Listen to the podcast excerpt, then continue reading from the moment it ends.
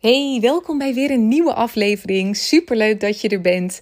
Het is vandaag 21 december. Dat is voor heel veel mensen de laatste of ene laatste werkdag van het jaar. Voor mij is het de laatste. Ik heb op vrijdag altijd mijn mamadag met mijn dochter. Dus uh, dit, is mijn, uh, dit zijn mijn laatste werkuurtjes. Ik denk dat de meeste mensen er heel erg aan toe zijn aan vakantie. Voor mij voelt het dit jaar een beetje anders. Want ik ben net een paar maanden met zwangerschapsverlof geweest. Dit is mijn zesde werkweek weer. En ik merk nu dat ik weer helemaal lekker in een flow zit. Veel inspiratie heb. Uh, dat we gewend zijn aan het ritme waar we nu in zitten met een kindje. En uh, nu heb ik alweer vakantie. Maar uh, goed, ik ga me zeker wel vermaken. Dus dat komt helemaal goed. Maar ik had wel zin om nog eventjes een podcast op te nemen. Ik heb namelijk iets heel tofs gedaan deze week. En ik kan aan de hand daarvan kan ik best wel wat lessen met je delen op het gebied van sales. Meer klanten aantrekken. Wat ik heb gedaan is, ik heb een nieuwe auto gekocht. Ik heb de afgelopen jaren, vier jaar om precies te zijn, met heel veel plezier gereden in een witte Peugeot 208. Een auto die ik destijds voor, dat was 8250 euro heb gekocht. Echt een prima, nou ja, beginnersauto voor mij dan. Maar afgelopen week heb ik een Audi Q3 Sportback gekocht. Een witte met, uh, nou ja, dat noemen ze dan S-Line. Dat is een bepaalde editie met panoramadak een behoorlijke upgrade. En uh, ik dacht, oh ja, ik ben wel heel benieuwd hoe dit gaat zijn. Ik wist eigenlijk van tevoren al wel dat ik een Audi Q3 of 4 wilde. Nou, dat is een, een prijzige auto. Dus ik dacht, ik ben heel benieuwd hoe dat hele verkoopproces gaat. Want dat is toch echt op, op hoog niveau verkopen eigenlijk. Omdat het om een behoorlijk bedrag gaat. Dus uh, ik heb dat een beetje ja, gemonitord of heel bewust ben ik dat ondergaan. Het heeft ook een paar maanden geduurd. Want ik wilde echt gewoon een goede auto kopen en daar ook gewoon even de tijd voor nemen. Dus de afgelopen maanden ben ik bij best wel verschillende, eh, veel verschillende autodealers geweest, ook door het hele land. Wat wel grappig is, is dat ik hem uiteindelijk in Almere bij een autodealer heb gekocht. Maar uh, ik ben er ook echt twee uur onderweg geweest naar Oldenzaal en zo, maar uiteindelijk dus in Almere gevonden. Uh, er zijn een paar maanden overheen gegaan, verschillende bedrijven um, contact mee gehad. Dus ik heb daar best wat nou ja, lessen uit uh, uh, gehaald. Inmiddels staat de auto ook al bij ons thuis. Het, dat ging echt super snel. Ik heb hem dit weekend heb ik zeg maar akkoord gegeven. Toen moest ik een aanbetaling doen van 1000 euro. Ik wilde ook een aantal dingen uh, aangepast hebben, want het was een, een witte auto, maar wel met heel veel zwart. En ik vond het daardoor een beetje zo'n gangsterbak. Dat ik dacht, dit voelt niet heel feminine energy, zeg maar. Dus ik, ik had een deal gemaakt dat de prijs omlaag zou gaan en dat ik ook nog kosteloos een aantal dingen erbij in zou krijgen. Dus ik dacht dat duurt vast wel eventjes. Maar het was dinsdag al klaar. Dus ik heb hem dinsdag opgehaald. En uh, hij staat nu al hier thuis. Dus uh, heel bijzonder. Ik ben helemaal verliefd op de auto, merk ik ook. En dat is eigenlijk heel bijzonder. Want ik heb helemaal niet zoveel met auto's. Maar dat is het. Ja, het, het gaat niet alleen om de auto. Misschien heb je dat zelf ook wel eens gehad bij het doen van een grote aankoop.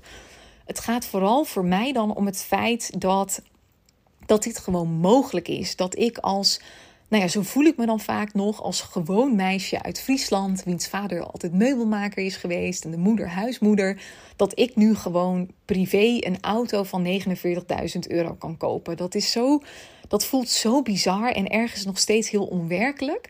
En zo bijzonder. En ik, ik ben ook blij, dat zei ik ook nog tegen een vriendin van mij, dat de auto is niet een soort opvulling voor iets. Het is niet dat mijn leven een soort soortje is en nu heb ik die auto en daardoor voel ik me even beter. Het is echt een, een aanvulling. Ik heb echt. Ik zit in een super gelukkige fase in mijn leven. Wel een beetje een chaotische fase met een, uh, met een kindje. Maar het is gewoon oké. En dat ik denk, oh, en dan kan die auto er ook nog bij zijn. Dus uh, nou ja, je hoort het. Ik ben uh, heel enthousiast. En wat ik met je wil doen is vooral eventjes de saleslessen met je delen die ik de afgelopen maanden heb nou ja, geleerd aan de hand van uh, het kopen van deze auto. Wat ik al zei, ik ben door het hele land bij dealers geweest. Ik heb in totaal iets van vijf proefritten gedaan. Drie keer in een Audi Q4, twee keer in een Audi Q3. En nu ben ik best wel heel erg verrast in dat hele proces. Je wilt eigenlijk niet weten hoe vaak klanten tegen mij zeggen van... Tien, ik wil leren verkopen, maar ik wil niet zo'n irritante telesalespersoon worden die heel pusherig is of zo'n irritante autoverkoper. Dus we hebben toch vaak wel een beetje een beeld bij zo'n autoverkoper dat dat iemand is die ook gewoon heel ver gaat om maar een auto te kopen. Maar ik weet niet wat er met mijn autoverkopers aan de hand was, maar hun verkoopvaardigheden waren in ieder geval heel ver te zoeken.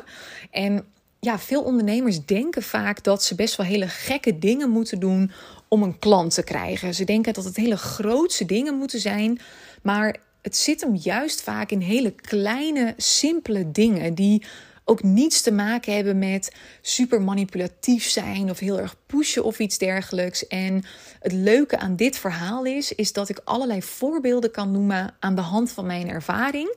Wat echt al heel simpel eigenlijk is. Dus ik ga een aantal dingen noemen en daar kort over vertellen. En ik hoop dat het jou aan het, nou ja, aan het einde van dit jaar, of juist het begin van het nieuwe jaar, of weet ik wanneer je het luistert, gewoon dat je het luistert op het juiste moment. Ik geloof altijd wel dat je een podcast te horen krijgt op een moment dat het, uh, nou ja, dat het resoneert. En dit zijn dingen die ik nu ga delen, die eigenlijk in elke fase wel uh, resoneren. In ieder geval nodig zijn om er bewust van te zijn.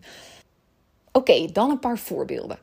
Nadat ik een proefrit had gedaan, zei ik steeds heel duidelijk wanneer ik eventjes terug zou bellen of mailen. Dus op het moment dat ik dan op dinsdagmiddag een proefrit had gehad, dan zei ik heel duidelijk van ik bel je vrijdagochtend even terug om iets te laten weten.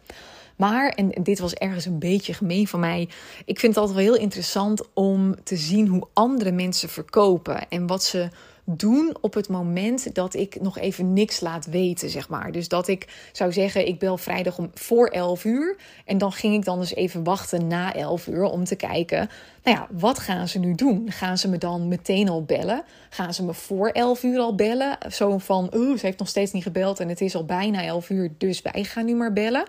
Uh, wachten ze een dag? Nou ja, ik vind dat soort dingen altijd heel interessant. Daar kan ik zelf ook vaak weer van leren. Maar het gekke is, niemand, niemand van die vijf dealers heeft gebeld.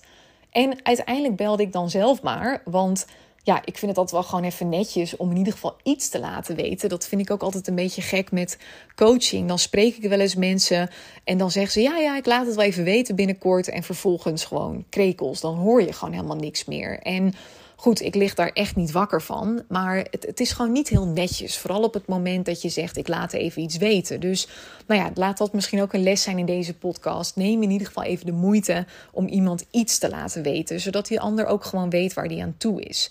Maar super interessant dus, want niemand had gebeld.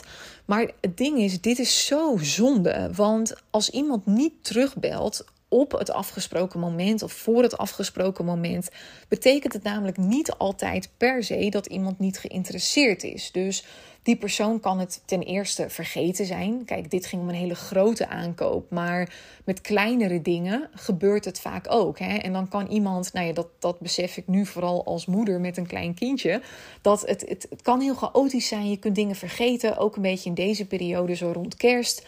December, november zijn vaak hele drukke maanden. Dan is het best wel begrijpelijk dat iemand of het even helemaal vergeten is, of vergeten is dat diegene had gezegd dat hij op vrijdag iets zou laten weten. En uh, daardoor nog in haar hoofd zat met: oh ja, ik moet, ik voor maandag even terugbellen of zo. Dus het is helemaal niet erg om dan even een reminder te sturen. Of wat ook zo kan zijn. Die persoon kan bijvoorbeeld een bepaalde belemmerende overtuiging hebben, waar hij of zij nog even bij geholpen uh, mag worden om uiteindelijk een goed aankoopbesluit te nemen. En wat ik in ieder geval wil zeggen, er kan van alles zijn wat niet per se hoeft te betekenen dat iemand geen interesse meer heeft. Dus een interessante vraag voor jezelf is om eens te kijken naar waar heb jij het al opgegeven? Waar doe jij nog negatieve aannames doordat je iets even niet terug hoort van een bepaalde persoon, uh, waardoor je al zegt tegen jezelf: ja, die persoon die wil vast niet en daardoor doe ik maar geen opvolging, daardoor stuur ik maar geen reminder. Dus check eens voor jezelf ook als ik het even vertaal naar concrete acties. Is er nog een bepaalde lead die je zou kunnen opvolgen? Heb je een tijdje geleden bijvoorbeeld een keer contact gehad met iemand via de DM en diegene heeft nog niet gereageerd? Of heb je een tijdje geleden met iemand gebeld en diegene heeft nog niks laten weten? Kun je die nog even een reminder sturen? Dat is echt totaal niet erg. Ik bedoel, op het moment dat je drie reminders hebt gestuurd, wordt het een beetje irritant. Maar heel veel ondernemers zijn vaak al bang om die eerste reminder te sturen. En daar is echt helemaal niks mis mee. Het wordt alleen zelfs vaak gewaardeerd. Ik merk namelijk ook, ik heb ook een vol leven. En ik waardeer die reminders juist vaak. Want ik wil echt wel op iedereen reageren. Met wie ik ook echt zelf contact heb, zeg maar. Ik kan natuurlijk niet meer op alle DM's en zo reageren. En dan ben ik alleen maar blij dat iemand me er even aan herinnert. Want die hulp heb ik soms ook gewoon nodig. En het hoeft niet eens sales gerelateerd te zijn. Hè? Het kan ook zijn dat je bijvoorbeeld afgelopen maand dat je iemand hebt uitgenodigd om te komen uh, praten met jou in je podcast. Of dat jij jezelf hebt uitgenodigd als spreker ergens. Dat je nog even niks hebt gehoord stuur dan ook gewoon even een reminder. En daarom is het vaak ook slim om met een Excel-document te werken of een CRM-systeem of een Trello-board of iets dergelijks om een beetje bij te houden ook. Wat voor leads heb ik nog openstaan? Wie, uh, met wie heb ik contact gehad? Wie heeft nog niet gereageerd? Uh, of bepaalde um, uh, uitnodigingen die je hebt verstuurd waar je nog geen reactie op hebt gehad. Want sommige dingen onthoud je, maar heel veel dingen ook niet. Dus het is altijd wel handig om daar een bepaald systeem in, in te hebben. Nou, volgende voorbeeld. Als ik belde om te vertellen dat ik het niet ging doen, werd er in vier van de vijf gevallen, dus in één geval was, het, uh, was dit niet het antwoord, maar in vier van de vijf gevallen werd er gewoon gezegd: Oké, bedankt voor het bellen, fijne dag nog. Even heel kort gezegd, hè? maar daar kwam het dan op neer. Dat ik echt dacht: Serieus? Er werd eigenlijk niet eens gevraagd naar een reden. Dus niemand die vroeg: hey, oh, nou, ik ben wel benieuwd. Wat is de reden dat, uh, dat je toch hebt besloten om deze auto niet te kopen? Was het niet helemaal naar wens? Of uh, heb je ergens anders een betere deal of iets dergelijks kunnen vinden? Ja, ik zou alleen al gewoon nieuwsgierig zijn naar de reden. Dat merk ik ook als ik als iemand nee tegen mij zegt, dan ben ik gewoon even van mens tot mens, ondernemer tot ondernemer, ben ik nieuwsgierig. Waar heb je wel voor gekozen? Ik ben benieuwd wat wat past dan bij je in deze fase, maar ook om daar weer van te leren. Maar in dit geval, wat het in mijn geval betekende, ik had nog helemaal geen keuze gemaakt. Ik wist alleen, deze auto wordt het niet. En het ding is ook, ik had die dealers wel gebeld met een hele concrete vraag van, hey, kan ik een proefrit maken in die Audi Q4 die en die en die? Dus daar kwam ik heel specifiek voor. Maar ik was helemaal, ik had helemaal niet echt de intentie dat ik per se die auto wilde. Ik stond best wel open voor andere auto's. Ik bedoel, ik had wel in gedachten van ik, ik wil waarschijnlijk een Audi Q3 of Q4. Maar als ik een hele mooie Volvo had gezien, of een BMW of een Kia of wat voor auto dan ook, dan had ik daar echt wel voor open gestaan. Maar dat werd helemaal niet gevraagd. Dus er werd helemaal niet gevraagd van hey, maar heb je al wel een auto kunnen vinden dan? Of um, sta je open voor andere auto's? Vind je het fijn als ik een keer even met je meedenk? Dus wat een belangrijke les hierin is, is als je een nee krijgt, betekent dat niet direct dat de hele kans op een verkoop verdwenen is. Dan kun je dus altijd nog even vragen naar de reden en ook meedenken met iemand wat eventueel wel passend is. En ik ga daar zelf altijd best wel ver in. En ik doe nu zelf niet zoveel salesgesprekken meer, maar ik heb wel mensen die dat voor me doen en die leid ik op op die manier dat ik zelfs altijd zeg van denk altijd even mee. Ik wil gewoon dat als iemand met mij of mijn bedrijf in aanraking is gekomen, dat diegene verder is geholpen. En dan vragen ze dus altijd mijn sales manager, zeg maar, van hey, heb je al iets anders gevonden waar, waar je verder door geholpen kunt worden? Zal ik even met je meedenken? En soms kunnen ze dan iets aanbieden wat ik verkoop, waar ik bij help. Maar als dat niet het geval is, dan raad ik zelfs die sales managers aan om ze gewoon door te verwijzen naar iemand. Dus als je bij mij sales doet, dan krijg je ook een heel document met allemaal mensen die ik vertrouw, die super goed zijn in bepaalde dingen. En daar kunnen dan de potentiële klanten voor mij, zeg maar, die dan toch blijkbaar niet aansluiten, dan kunnen ze daarna doorverwezen worden, zodat ze in ieder geval wel geholpen kunnen worden. En dat vind ik gewoon even van mens tot mens fijn. Maar het zorgt er ook voor dat diegene dan alsnog een positieve ervaring heeft met jouw bedrijf. Zonder dat diegene daar iets gekocht heeft. Maar dat kan er wel uiteindelijk weer voor zorgen, als je even heel erg lange termijn denkt, dat iemand dan misschien sneller weer bij jou terugkomt. Of dat diegene sneller jou zal aanraden of iets dergelijks. En een laatste les die ik met je wil delen is bij elke auto waren er wel een aantal dingen die ik anders wilde. Dus die Audi Q3 en Q4 die komen in best wel veel verschillende varianten. Dus de auto die ik nu heb gekozen uiteindelijk, die komt met een panoramadak of zonder. Je hebt een bepaalde uitvoering, dat heet dan S-Line. Dan is het interieur en het exterieur is een beetje anders. Uh, nou ja, en zo heb je allemaal verschillende dingen, zeg maar. Het kan met zwarte spiegels, het kan met witte spiegels. Dat zijn gewoon een beetje details. En wat ik vooral dacht is, als ik dan toch zoveel geld uit ga geven aan een auto, dan moet die gewoon helemaal zijn zoals ik wil. Maar het grappige is, als ik dan vroeg naar de mogelijkheden en de kosten om iets te veranderen, dan kreeg ik in twee gevallen, in ieder geval kreeg ik als uh, antwoord terug, dat kan, maar dat is wel duur hoor.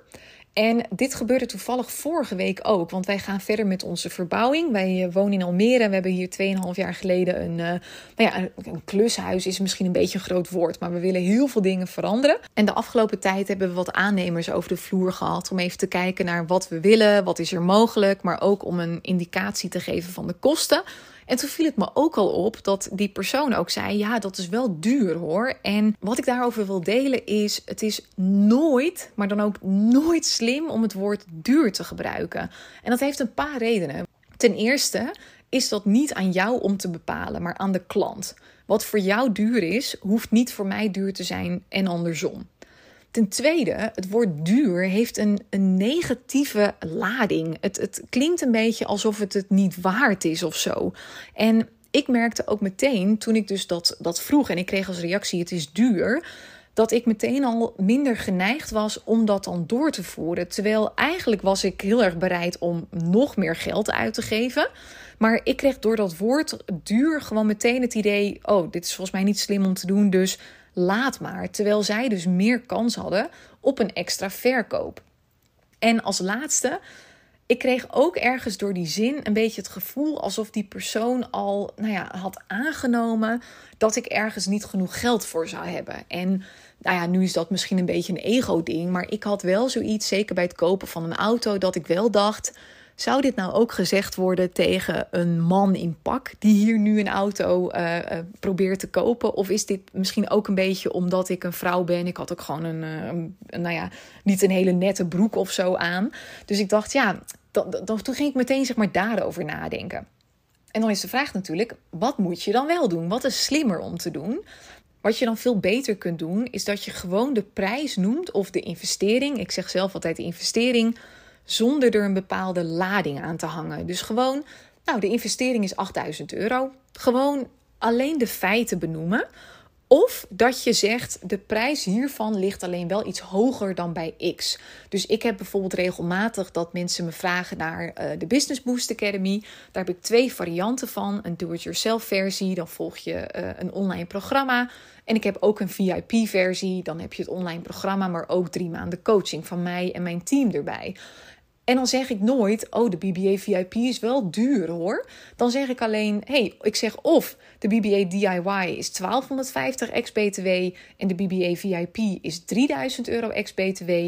Of ik zeg, als ik al voel dat dat een beetje een ding is, dan zeg ik van uh, de BBA is uh, DIY is 1250 en de VIP die is wel wat hoger geprijsd. Die is 3000 euro. Maar dat is ook logisch, want dan krijg je veel meer persoonlijke aandacht. Dus dan verpak ik het veel meer op die manier.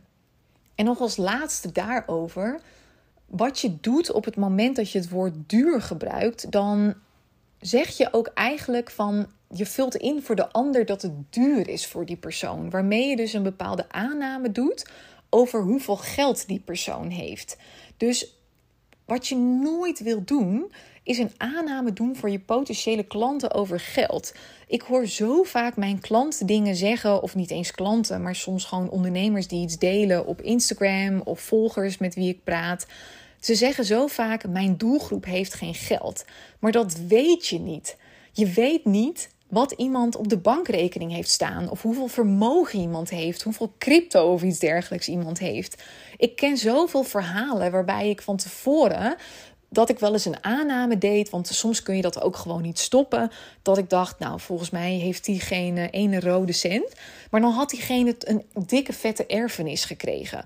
Of uh, laatst iemand die had superveel winst gemaakt met crypto. Tijdje geleden ook iemand. Zij had niet zoveel, maar haar partner was heel vermogend. En hij was super relaxed daarmee. Hij zei: Joh, lieve schat, doe jij lekker je ding. Je mag dat geld uitgeven. Er kunnen zoveel redenen zijn waardoor iemand op een andere manier geld heeft gekregen.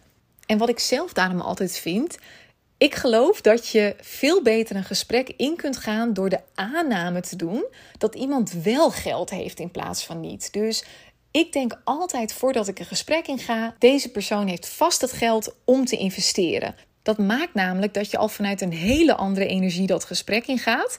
Waardoor de kans dat je iets verkoopt waar die persoon ook echt mee geholpen is, ook weer vele malen groter wordt. Want als dat je aanname is, dus een dienende aanname in plaats van een belemmerende aanname, dan ga je al anders dat gesprek in. Dan ga je anders zitten, dan ga je andere vragen stellen. Dus in plaats van dat je een beetje erbij zit als, nou ja, ze gaat toch nee zeggen. Dus ja, wat doe ik hier eigenlijk? En dat kan heel subtiel zijn, hè?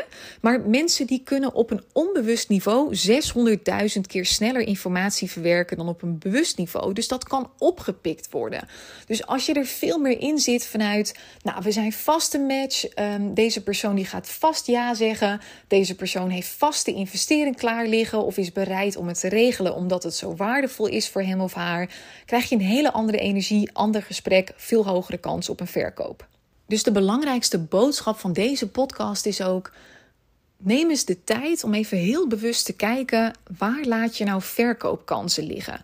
Aan de hand van het verhaal wat ik net gedeeld heb, weet ik zeker dat je wel een paar dingen kunt bedenken waarvan je denkt: ja, daar laat ik gewoon echt heel veel liggen. Ik heb het bij mezelf ook toegepast. En wat ik merk is dat ik de afgelopen tijd bij mezelf heel veel heb laten liggen op het gebied van uh, direct messaging. Dus gewoon eventjes uitreiken naar mensen die mijn webinar hebben gevolgd. Of mensen die al heel lang bij het nieuwsbrief staan of iets dergelijks. En nu vind ik zelf vind ik het altijd een irritant klusje om uit te zoeken wie een beetje de warme lead zijn. Dus een warme lead is iemand die, um, nou ja, die aangaat op jou. En dat kun je vaak wel merken aan dat iemand vaak je mail heeft geopend. Of in mijn geval dat iemand twee uur lang mijn webinar heeft gekeken. Want iemand die vijf minuten heeft gekeken. Nou, daarvan weet ik vaak al, die persoon die vond mij maar niks. Dus die hoef ik niet te benaderen. Maar iemand die helemaal tot het einde heeft gekeken. Tot en met de upsell. Ja, die heeft waarschijnlijk wel interesse. Dus wat ik nu zelf bijvoorbeeld ben gaan doen. Ik ben met een appointment setter gaan werken. Cynthia heet zij. En zij neemt via de DM neemt ze even contact op met mensen. Met die mensen. Zij stuurt even het eerste berichtje. En um, dat is gewoon een berichtje wat ik heb getypt. Zij stuurt dat en daarna ga ik met hen in gesprek. Want het voelt niet lekker alsof zij doet dat zij mij is, terwijl dat niet het geval is. Dus dan pak ik het even op en daar komt enorm veel extra sales uit. Omdat we gewoon ik reik even mijn hand uit. Het kost weinig tijd, want de lijst die ik zeg maar gepresenteerd krijg is, nou ja, dat is al een, een hele goede lijst met kwalitatieve leads. En ik hoef hen alleen maar een beetje te helpen, maar dat deed ik gewoon eerst niet, want ik was druk genoeg met andere dingen en ik liet bewust eigenlijk daar een kans liggen. Maar ik had er al tijdens mijn verlof over nagedacht dat ik dacht, ja, ik wil gewoon een aantal kansen wil ik nu oppakken. Het is natuurlijk altijd zo dat je niet altijd alle kansen kunt oppakken.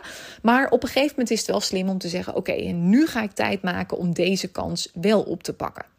En nu zou het natuurlijk wel heel stom zijn als ik in deze podcast geen aanbod zou doen. Dus ik sluit hem nog even af met een aanbod. Ik heb je net al verteld over dat er twee varianten zijn van de Business Boost Academy. Een do-it-yourself variant, waarbij je gewoon 16 modules helemaal in je eigen tijd, in je eigen tempo kunt volgen. Dan leer je alles over het bouwen van een succesvol online bedrijf. Wat ook deels gewoon kan doorlopen als jij er even niet bent. Of als jij gewoon minder zin hebt om te werken of iets dergelijks. Alle informatie vind je op mijn website tinekeswart.com. En op 15 januari 2024 start ik weer met de VIP-variant. En daarbij mag je het eigenlijk zo zien dat de, het online stuk daar, dus het online programma met alle modules, dat is meer een soort bonus bij dat uh, programma. En daarnaast krijg je drie maanden één op één coaching van mij. En ook mijn teamleden. Dus er is een copywriter die kijkt je website teksten twee keer helemaal na. Echt woord voor woord, zodat dat super strak staat. Er is iemand met wie je een mindset sessie mag inplannen. één op één van een uur of anderhalf uur zelfs. Hangt een beetje vanaf welke expert je kiest. Dat kan op het gebied van belemmerende overtuigingen zijn. Angsten, onzekerheden om die te doorbreken. Uh, of het kan ook een strategische sessie zijn met iemand. En met mij heb je gewoon drie maanden lang een lijntje. En bespreek ik alles met je om ervoor te zorgen dat je veel grotere stappen gaat zetten met je bedrijf. En een misvatting die ik vaak terugkrijg over de BBA is dat heel veel mensen denken dat het alleen voor startende ondernemers is. Maar dat is inmiddels niet meer zo. Het is wel echt voor online ondernemers. Dus ondernemers die echt via online kanalen hun klanten grotendeels willen aantrekken of volledig. En uh, ondernemers die vaak ook met online producten iets willen doen. Dus of ze nou één op één coaching doen, maar wel online, zeg maar via Zoom. Of dat ze een online cursus hebben of willen maken. Daar kan ik ook helemaal bij helpen. Voor hen is het. Maar er zijn al acht mensen ingestapt. Ik heb plek voor tien, dus ik heb nog twee plekjes over. Er zitten ook mensen in die echt al 8k per maand draaien. Dus het is niet alleen meer voor de starter. Dat komt omdat er nu zoveel één op één bij zit. Voorheen was het wel echt voor de starter. Dat is nu niet meer het geval. Ik vind het namelijk toch heel tof om een klein groepje te hebben met wie ik heel veel één op één doe. En daardoor is er nog wel een groepselement, want het is gewoon tof om je netwerk uit te breiden, samen successen te vieren, dat soort dingen. Er zit ook een live dag bij, maar verder is het veel meer een één op één traject waarin iedereen op zijn of haar eigen tempo dingen doet en waarbij ik met iedereen ook aan iets anders werk. Dus er is net iemand ingestapt en die zei van ja, ik heb eigenlijk al dat hele stuk met mijn why, mijn ideale klanten, zo dat heb ik al gedaan. Dat zie ik wel op de website staan van de BBA. Toen zei ik ook van ja, maar dan gaan we dat natuurlijk niet meer doen, want dat heb je al gedaan. Tuurlijk wil ik wel heel even meekijken naar, oké, is de ideale klant echt helder? Ken je die persoon echt heel goed? Want dat is wel echt je fundering, super belangrijk. Maar daarna kunnen we, wat mij betreft, gaan werken aan een marketingstrategie. Terwijl ik met twee dames die mee gaan doen, ga ik volledig werken aan hun automated webinar. Met weer iemand anders ga ik juist wel aan de basis werken. Met het productaanbod, met de doelgroep, et cetera. Dus iedereen die volgt heel erg zijn of haar eigen pad binnen de BBA. Dus mocht je het nieuwe jaar echt willen beginnen met een bang, kun je wel wat begeleiding gebruiken? Check dan even alle informatie. De website is tinekezwart.com slash bba. Daar vind je alle informatie. Daar kun je ook een matchcall inplannen met een van mijn collega's. Die helpt dan even om de juiste keuze te maken. Je mag ook als je gewoon denkt, ja, dit is gewoon voor mij. Je mag ook meteen uh, je aanmelden, de betaling doen. Dus uh, check dat eventjes als je denkt, hey, dit zou wel eens iets voor mij kunnen zijn. Hey, bedankt voor het luisteren. Als je dit nog luistert voor de kerst, wil ik je hele fijne kerstdagen wensen. En ook alvast een heel gelukkig nieuwjaar. En uh, ik ga sowieso in het nieuwe jaar weer meer podcasten.